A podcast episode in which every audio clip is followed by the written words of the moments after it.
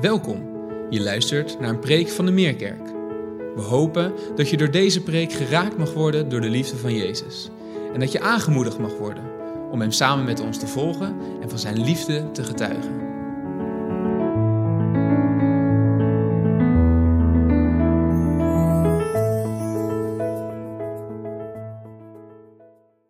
Goedemorgen. Ik mocht vanmorgen wakker worden. Nou, zoals jullie dat zien natuurlijk ook, want anders ik niet. Maar eh, ik had al enkele berichten gekregen van sommigen van jullie, waarvoor dank. Zelfs ingezongen berichten. Heel erg veel dank.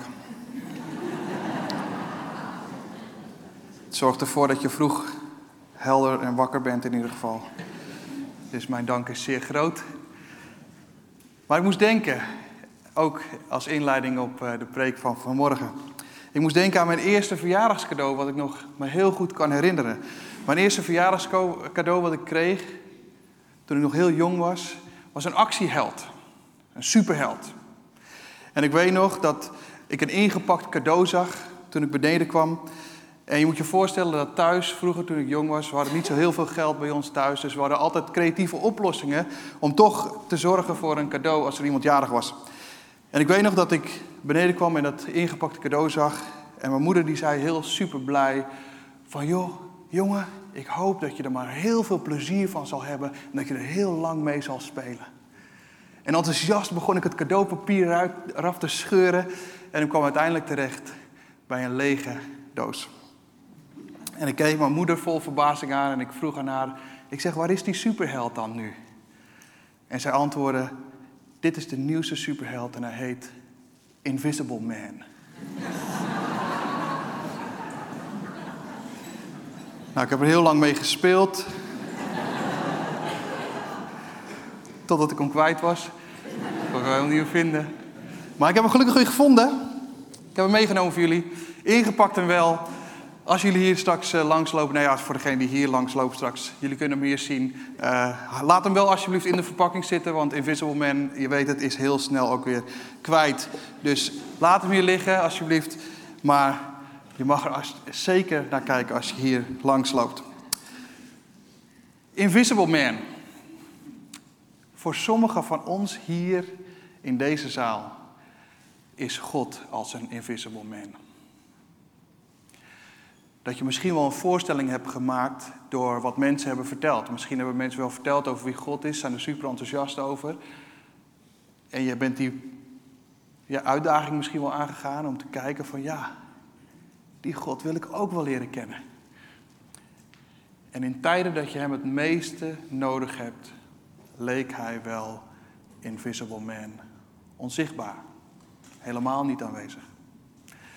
Nou, daarom vind ik het mooi om vandaag na te denken over die ene zin uit de bergreden. De tweede eigenlijk van uit de zalige sprekingen waar we mee begonnen zijn, die prekenserie. Gelukkig de treurende, want zij zullen getroost worden. Nou, het is goed te weten om een beetje context te schetsen bij de bergreden en een beetje herhaling te doen van wat Wichelen als inleiding heeft gegeven voor deze prekenserie. Het is goed te weten dat de context van de bergreden geschreven is door Matthäus. En Matthäus heeft het evangelie geschreven met het oog op een Joods publiek. Dat Joodse publiek was zijn doelgroep die hij voor ogen had toen hij dit uh, schreef. En ik kan me zo voorstellen dat als je je bedenkt dat het Joods publiek de doelgroep is waar Matthäus voor schreef, dat juist die doelgroep de Joodse Bijbel, de Tenach, ons Oude Testament, heel erg goed kenden. En ik kan me voorstellen dat als zij de verhalen hebben gekend van hoe Abraham en Jacob en Mozes en Elia op gebeurtenissen die op een berg plaatsvonden, hoe de hemel daar in die verhalen de aarde raakte dan kan ik me zo voorstellen dat dat verhalen zijn die in hun gedachten komen wanneer ze lezen dat Jezus als de Zoon van God de berg op gaat om zijn leerlingen te onderrichten. Ik denk zomaar dat ze verwachtingsvol zijn geweest. Verwachtingsvol zoals ze de verhalen kenden van hun eigen geschiedenis. Van Abraham en Jacob en Mozes en Elia, waar de hemel de aarde raakte. Ik kan me zo voorstellen dat die geschiedenis meegenomen wordt in het lezen van dit verhaal van de bergreden. En het zijn precies die woorden van Jezus, de bergreden, waar de hemel ook daar de aarde raakte. Nou, zo verwachtingsvol als dat Joodse publiek is bij het lezen van de bergreden, zo hoop ik dat wij allemaal verwachtingsvol zijn als we op zondag naar de kerk rijden. Dat we verwachtingsvol zijn op wat God gaat doen in ons midden. Als de hemel de aarde raakt. Door de woorden die we lezen, die bekend zijn geworden als de zaligsprekingen. Twee weken geleden zijn we begonnen met deze nieuwe prekenserie. En we gaan in een aantal weken door, de eerste gedeelte, door het eerste gedeelte heen van de bergreden, die genoemd worden de zaligsprekingen. En deze zondag zijn de treurende de gelukkigen, want zij zullen getroost worden. Remy heeft vorige week kort uitgelegd dat het geluk waar zeker deze vertaling, nieuwe Bijbelvertaling over spreekt, dat dat veel dieper gaat. Dat het niet geluk is als een happiness, maar dat het geluk is wat de oudere vertaling misschien wel beter omschrijven als gelukzalig, zalig. De Makarismen wordt het ook wel genoemd, de zaligsprekingen. Makarios, daar waar Remy ook over gesproken heeft. En dat Makarios is een veel dieper vorm van geluk. Het is een bovennatuurlijke vorm van goddelijk geluk. Daar wordt over gesproken. Nou, vorige week waren de armen van geest de gelukkige en vandaag de treurende. En we kunnen ons denk ik allemaal wel een voorstelling maken van wat het is om te treuren. Om ergens over te treuren, om over iets te treuren. Waarbij het denk ik heel goed is om te noemen dat dat treuren niet hetzelfde is als zeuren. Dat lijkt misschien wel op elkaar, maar het is niet hetzelfde. Als we gelukkig zouden zijn door te zeuren, dan denk ik dat heel Nederland een stuk gelukkiger zou zijn, denk ik. Maar dat is niet wat Jezus hier bedoelde. Gelukkig de treurende. Het treuren waar Jezus hier over spreekt, dat is een diepe vorm van verdriet. Waardoor je wordt overmand. Dat is het verdriet waar Jezus over spreekt. Het staat in lijn en in context met rouwen. Het Griekse woord voor dat troosten is penteo. En penteo is precies dat. Een diep gevoel van verdriet over een verlies. En dat treuren kan dus letterlijk betekenen over een geliefde die je verloren bent. Maar het gaat veel verder dan dat. Je kan ook treuren en door een rouwproces heen gaan als je misschien wel een baan verloren hebt.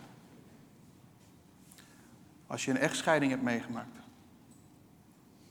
Als je je woning moest inleveren omdat er gewoon simpelweg geen geld was om de hypotheek te kunnen betalen. Ook dat kan een rouwproces worden van treuren. Dus het gaat veel dieper dan het treuren wat we misschien wel in eerste instantie voor ogen hebben.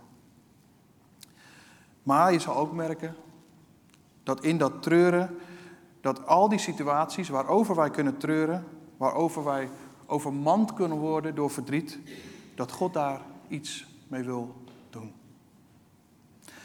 Maar voordat we daarnaar willen kijken, wil ik eerst laten zien dat de context waar Jezus over spreekt in deze zaligsprekingen in eerste instantie een veel diepere geestelijke betekenis hebben.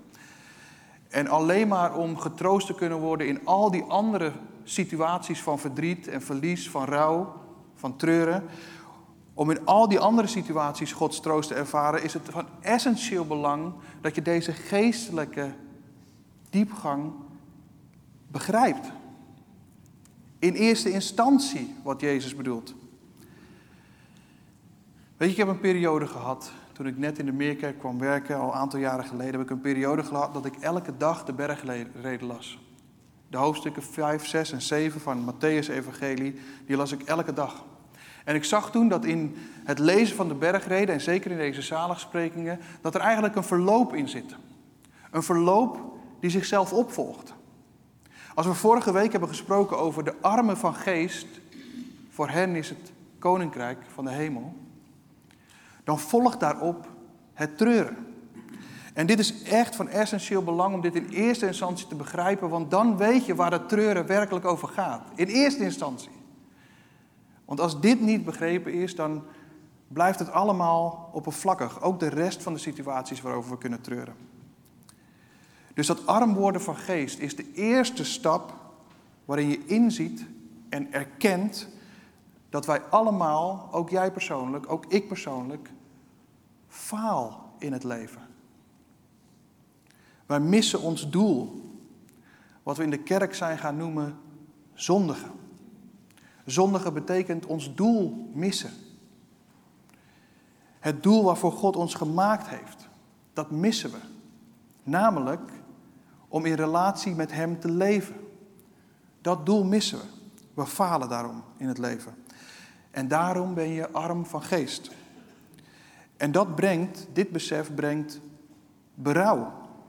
Het brengt je in nederigheid bij Jezus Christus zelf.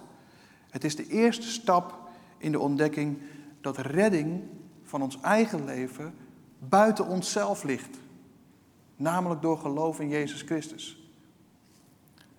Dan komt het treuren. Want het treuren is precies over dit besef. Het treuren is daarom een logisch gevolg als je beseft dat je arm van geest bent. Je treurt over het feit dat je ogen geopend zijn voor het missen van het doel. En dat de enige oplossing is je af te keren van je huidige levensweg en ervoor te kiezen om te lopen in de armen van Jezus. Het is in eerste instantie, als we het hebben over rouwen, het is in eerste instantie het rouwen over het sterven van jezelf en je eigen verlangens. Dat is rouwen van Penteo, waarover de Bijbel hier spreekt. Het is dus niet in eerste instantie het verliezen van een dierbare of iets dierbaars. Het is in eerste instantie het verliezen van jezelf. En dan kom je bij de woorden van Jezus zelf. Het zijn niet mijn woorden. Het zijn woorden van Jezus zelf uit Johannes 12. Waarin hij zegt: Wie zijn leven wil behouden, zal het verliezen. Maar wie zijn leven verliest omwille van mij, zal het behouden. Het verliezen van je eigen leven. Arm worden van geest. Wat je doet treuren. Om uiteindelijk getroost te worden. En als we over een aantal weken hier weer een dienst hebben waar ook waarin we ook zullen gaan dopen. Dat is precies dat. Het besef dat je arm van geest bent. Dat de redding van je eigen leven buiten je eigen leven is. En dat je daarom besluit om daar een uiterlijke expressie aan te verbinden, namelijk de doop. Want de doop is precies dat. Sterven aan jezelf in de doop. Om op te staan en te wandelen in een nieuw leven. Dat is in eerste instantie het treuren waar de Bijbel hier over spreekt. En ik kan het niet vaak genoeg benadrukken dat dat echt van essentieel belang is om dit in eerste instantie te begrijpen. Want dat is het evangelie. Dat is het goede nieuws. Het goede nieuws van het evangelie is alleen maar goed nieuws in context van het slechte nieuws. Als we het slechte nieuws nooit begrepen hebben, is het evangelie niet goed nieuws. En dan komt de goddelijke troost. Dan belooft God dat Hij in jouw leven wil komen wonen. God zelf, de schepper van hemel en aarde, wil in jouw leven komen wonen. Als dit ons niet doet verbazen, wat dan nog wel? De schepper van hemel en aarde, jouw schepper, jouw maker, wil in jouw leven komen wonen door de Heilige Geest. Eigenlijk zouden we hiermee kunnen stoppen, want dit is echt het allerbelangrijkste wat we kunnen begrijpen, hopelijk vandaag de dag. En dan zal je merken dat als Gods geest in jouw leven komt wonen, dat is Hij niet de invisible man. Dan is Hij niet meer de onzichtbare God die ver weg lijkt. Dan is Hij de God die in jouw leven woont en troost en bij je zal zijn. En nooit meer loslaat wat Zijn hand begonnen is met jouw leven te gaan doen. Dit is het meest belangrijke. Wat we kunnen begrijpen als we het hebben over treuren. Dan gaat het hierover in eerste instantie. En alle andere situaties volgen daar natuurlijk op. Natuurlijk wil God jou troosten in alle andere situaties. Als je een dierbare of iets dierbaars hebt verloren. Als je door een rouwproces heen gaat van verdriet wat je overmand.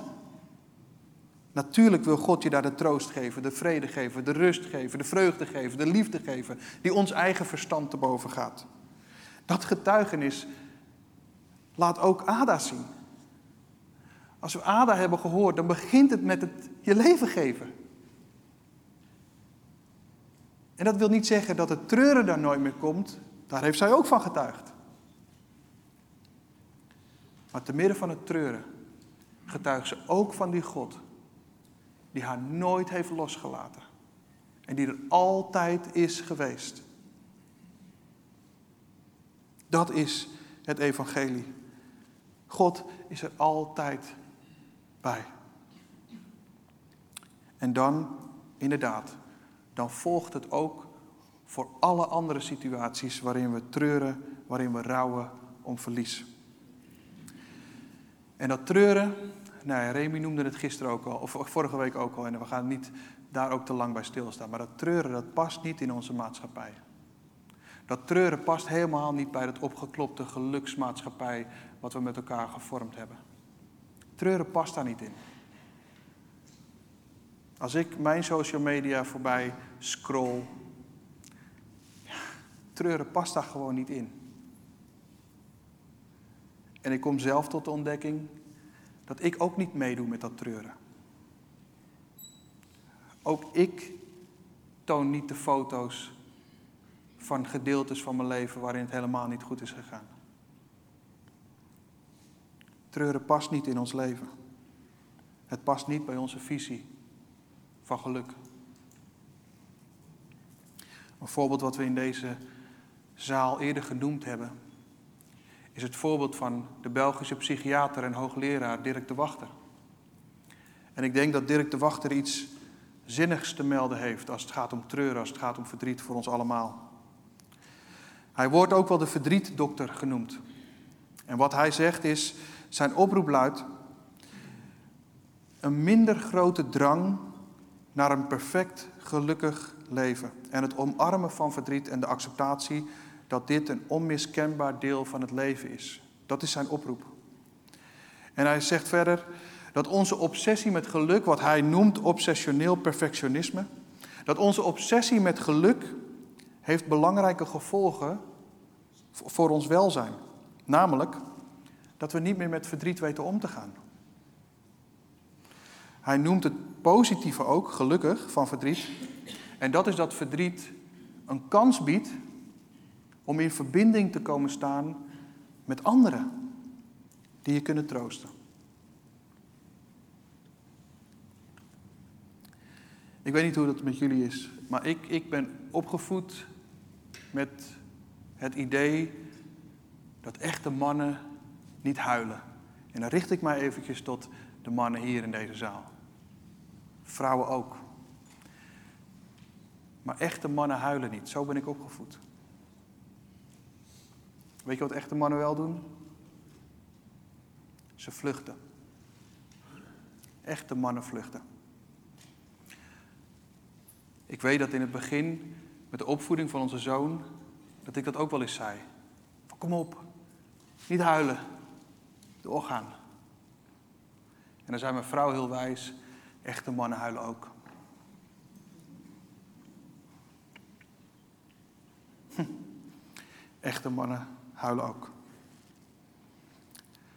Maar we zijn eerder geneigd om te vluchten. Niet alleen maar de mannen, ook vrouwen.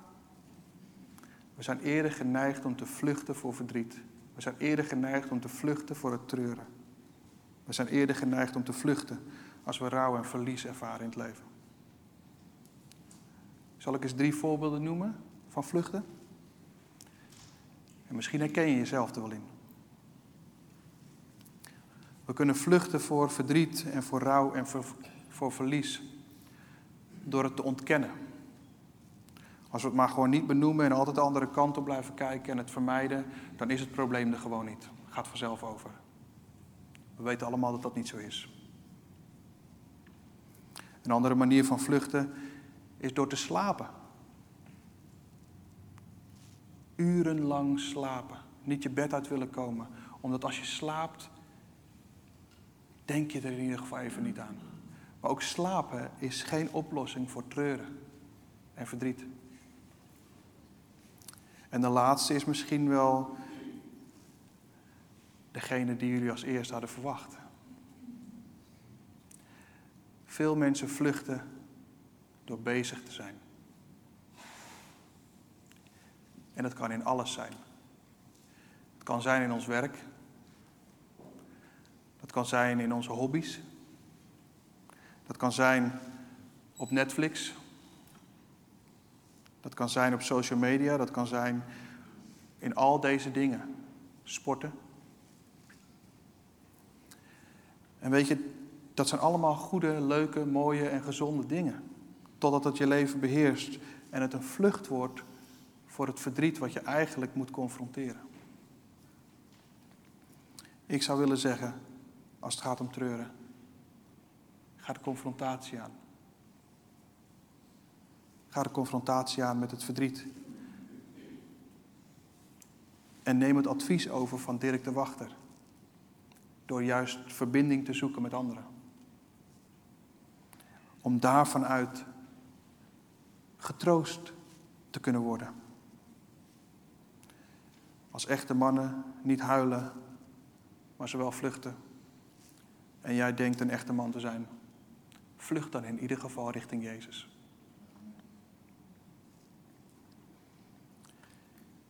In de voorbereidingen voor de overdenking van vandaag, daar was, waren we al of jaren, al maanden mee bezig. We wisten al dat de bergreden eraan zou komen om daarover na te denken. En ik weet dat ik in de zomervakantie aan het zoeken was naar iets wat me kon helpen om de bergreden nog meer te kunnen begrijpen. Voor wat het betekent als je de bergreden leest, wat het met je leven doet. En ik kwam uit op een podcast. Een podcast van de ongelofelijke podcast van de EO. En ik werd eigenlijk getriggerd door de titel. De titel sprak mij heel erg aan. De titel luidde namelijk Linkse atheïst met een passie voor Jezus. En ik wist niet waar dat over zou gaan. Ik ben hem gewoon gaan luisteren omdat de titel me aansprak. Uiteindelijk bleek dat het een podcast was met Sini Usniel. En Sini Usniel is historicus, schrijver en voormalig Tweede Kamerlid voor GroenLinks. En de podcast was werkelijk een geschenk uit de hemel. Sini die noemt zichzelf een rationele, wetenschappelijke, seculiere, socialistische, progressieve atheïst. Hele mond vol. Ik zou zeggen, kijk de preek nog een keer terug om dat te onthouden en weer tot je te nemen. Een rationele, wetenschappelijke, seculiere, socialistische, progressieve atheïst. Hij vertelt in die podcast dat hij opgroeide in Rotterdam-Zuid, in een witte arbeiderswijk. En elke dag, elke dag in zijn jeugd werd hij uitgescholden. Niet alleen door kinderen, maar ook door volwassenen. Werd hij in elkaar geslagen. En vertelde hij dat te midden van dat verdriet, te midden van dat vluchten, was er één gezin waarbij ik altijd terecht kon. En dat was dat we in de straat een gereformeerd christelijk gezin hadden wonen. En daar konden wij altijd naartoe vluchten, ik en mijn broer. Daar waren we altijd welkom, als enige gezin in de wijk. Hij vertelt ook over het feit dat hij gelovig is opgevoed als moslim. En dat hij afstand heeft genomen van het geloof. Doordat hij op zijn zestiende een werkstuk moest maken dat ging over kinderrechten. En hij kwam bij de statistiek uit dat elke dag 20.000 kinderen sterven aan voorkombare ziekten. En hij kon dat niet begrijpen, dat als er God is die almachtig is en goed is, dat hij dat toelaat staan, dat er 20.000 kinderen door voorkombare ziekten sterven. En omdat hij daar vragen over ging stellen en niemand hem daar het antwoord op kon geven, heeft hij het geloof losgelaten. Hij komt uiteindelijk bij GroenLinks uit en komt daar in de Tweede Kamer terecht. Maar, voor degenen die het volgen, weten dat er op een gegeven moment conflicten waren binnen de partij. En uiteindelijk leverde Sini zijn zetel in. En hij vertelt daarover dat toen ik wegging uit de Tweede Kamer, toen kwam ik in een rouwproces terecht. Ik kwam in een rouwproces terecht, in een diep zwart gat, wat ik niet had geweten van tevoren. Dat me dit zou overkomen. En te midden van dat rouwproces, waarin hij omschrijft dat hij onrustig wordt en dat hij angstig is en dat hij s'nachts nachtmerries heeft, grijpt hij naar de Bijbel. En begint hij met het lezen van de bergreden. En hij vertelt dat hij dat nog steeds vandaag de dag doet. Dat hij dagelijks de bergreden leest. Matthäus 5, 6 en 7. En hij vertelt daarover, als ik de bergreden lees, dan geeft het me rust. En op de vraag waarom hij naar de Bijbel greep en niet naar de Koran, wat veel logischer zou zijn geweest, of naar een zelfhulpboek, wat misschien ook wel logisch zou zijn geweest, daarvan zegt hij, misschien komt dat wel door dat gereformeerde gezin uit mijn jeugd. Voor mij was het veel logischer om te grijpen naar een Bijbel dan iets anders. En ik denk dat het komt door het gereformeerde gezin waar ik altijd naartoe kon vluchten en waar ik altijd welkom was. Hij eindigt die podcast met de uitspraak: In mijn hoofd ben ik atheïst, maar in mijn hart niet meer. Weet je, toen ik deze podcast luisterde en het verhaal hoorde van Sini dat hij letterlijk moest vluchten en troost vond bij christenen en nu uiteindelijk bij Christus zelf. Toen ik deze podcast luisterde, toen kon ik me niet aan de gedachte weghalen. Toen ik op een dag thuis kwam en de scholen weer begonnen waren. De scholen waren begonnen en onze zoon Jim, die kwam thuis na school en ik kwam thuis naar werk. En toen bleek dat onze tuin vol zat met allemaal kinderen uit school. Ook kinderen vanuit de middelbare school die vroeger op de school hebben gezeten bij Jim, zaten ook bij ons in de tuin. En onze zoon is tien en ik weet niet of er andere mensen zijn die tienjarige kinderen hebben. Sommigen weten nog van hun eigen kinderen dat ze tien jaar waren. Maar dan gaan ze allemaal een beetje stoer doen op steps en zo en uh, zwarende sina's.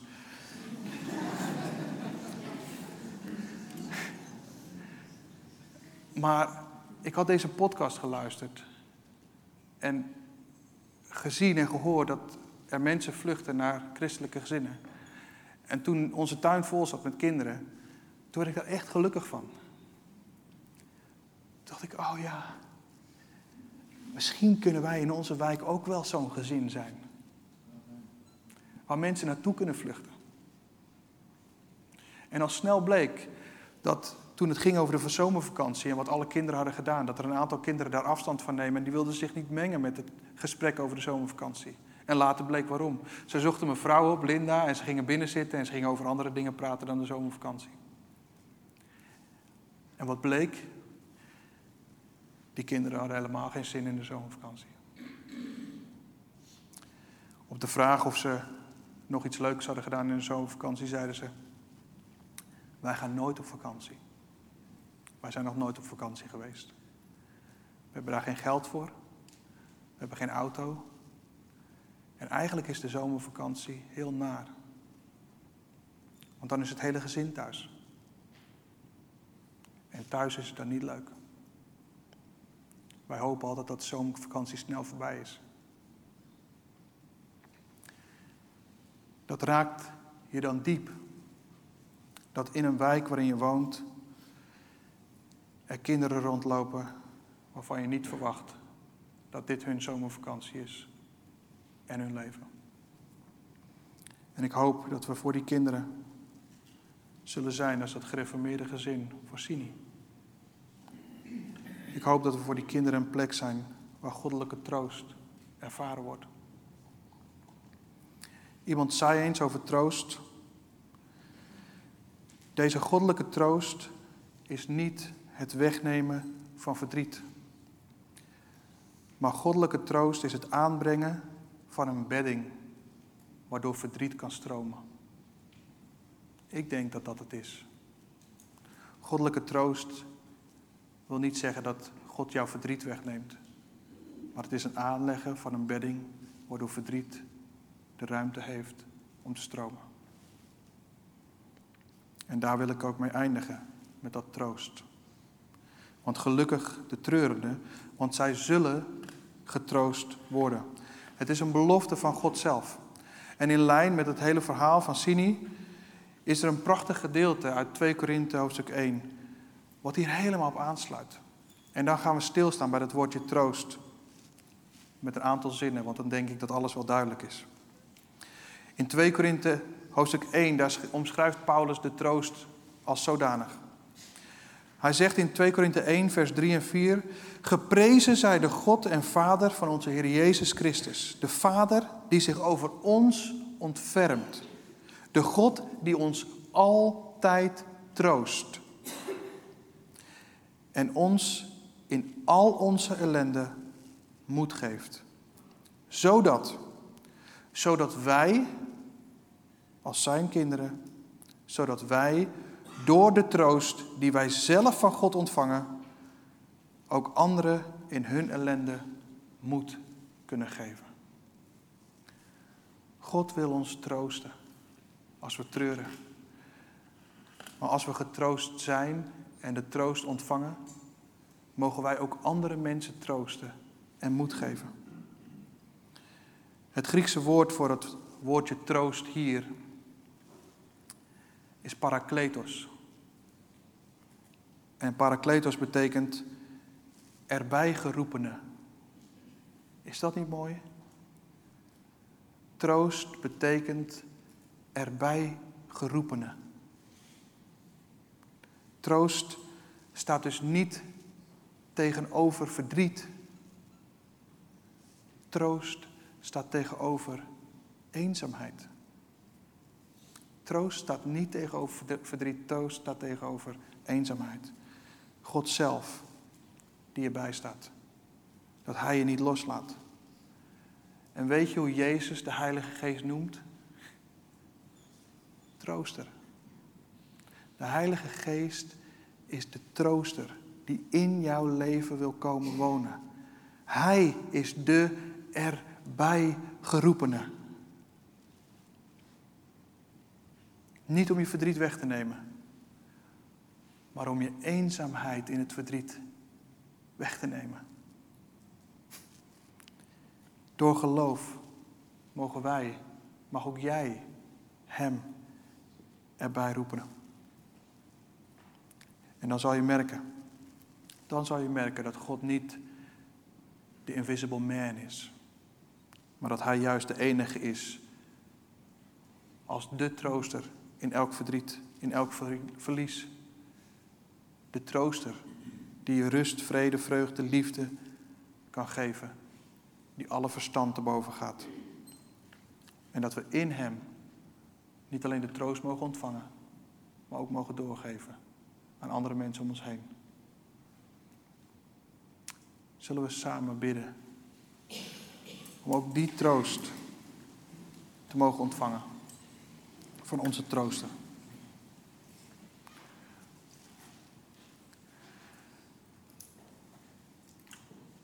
Hier zitten we dan.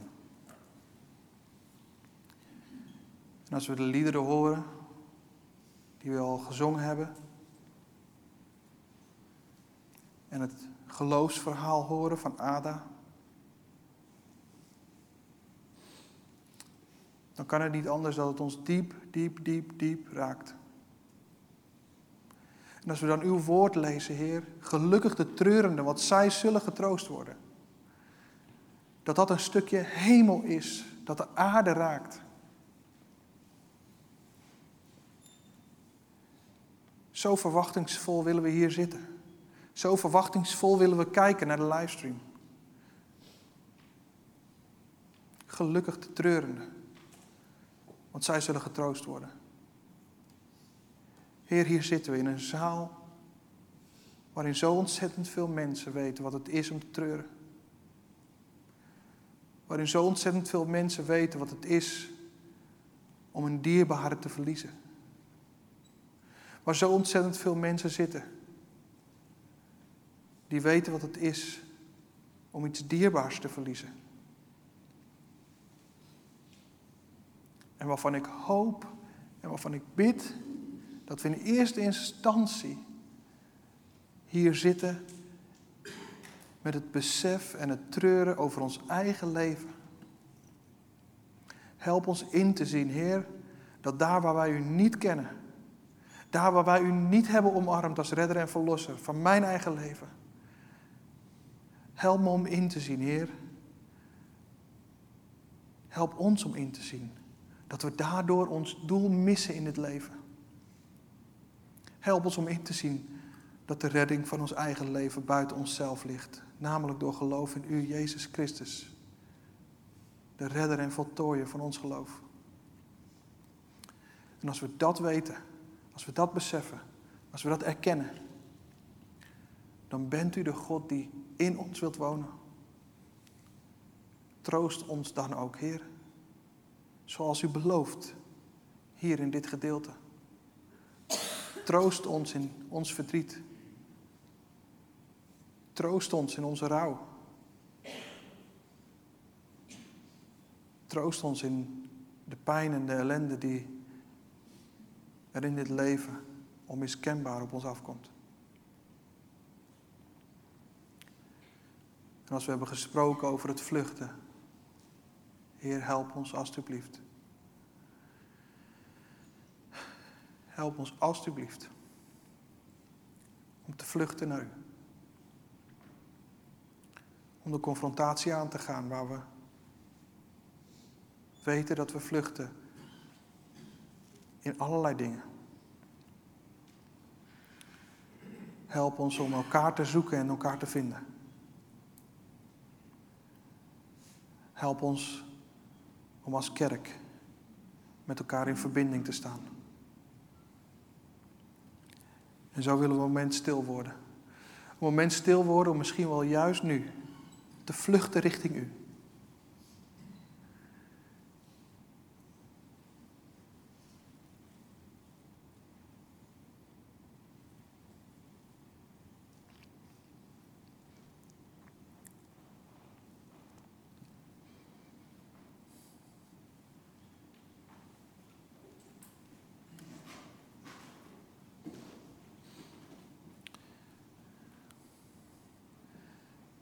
is het de gelijkenis van de verloren zoon, de verloren dochter, die terugkomt en vlucht richting u.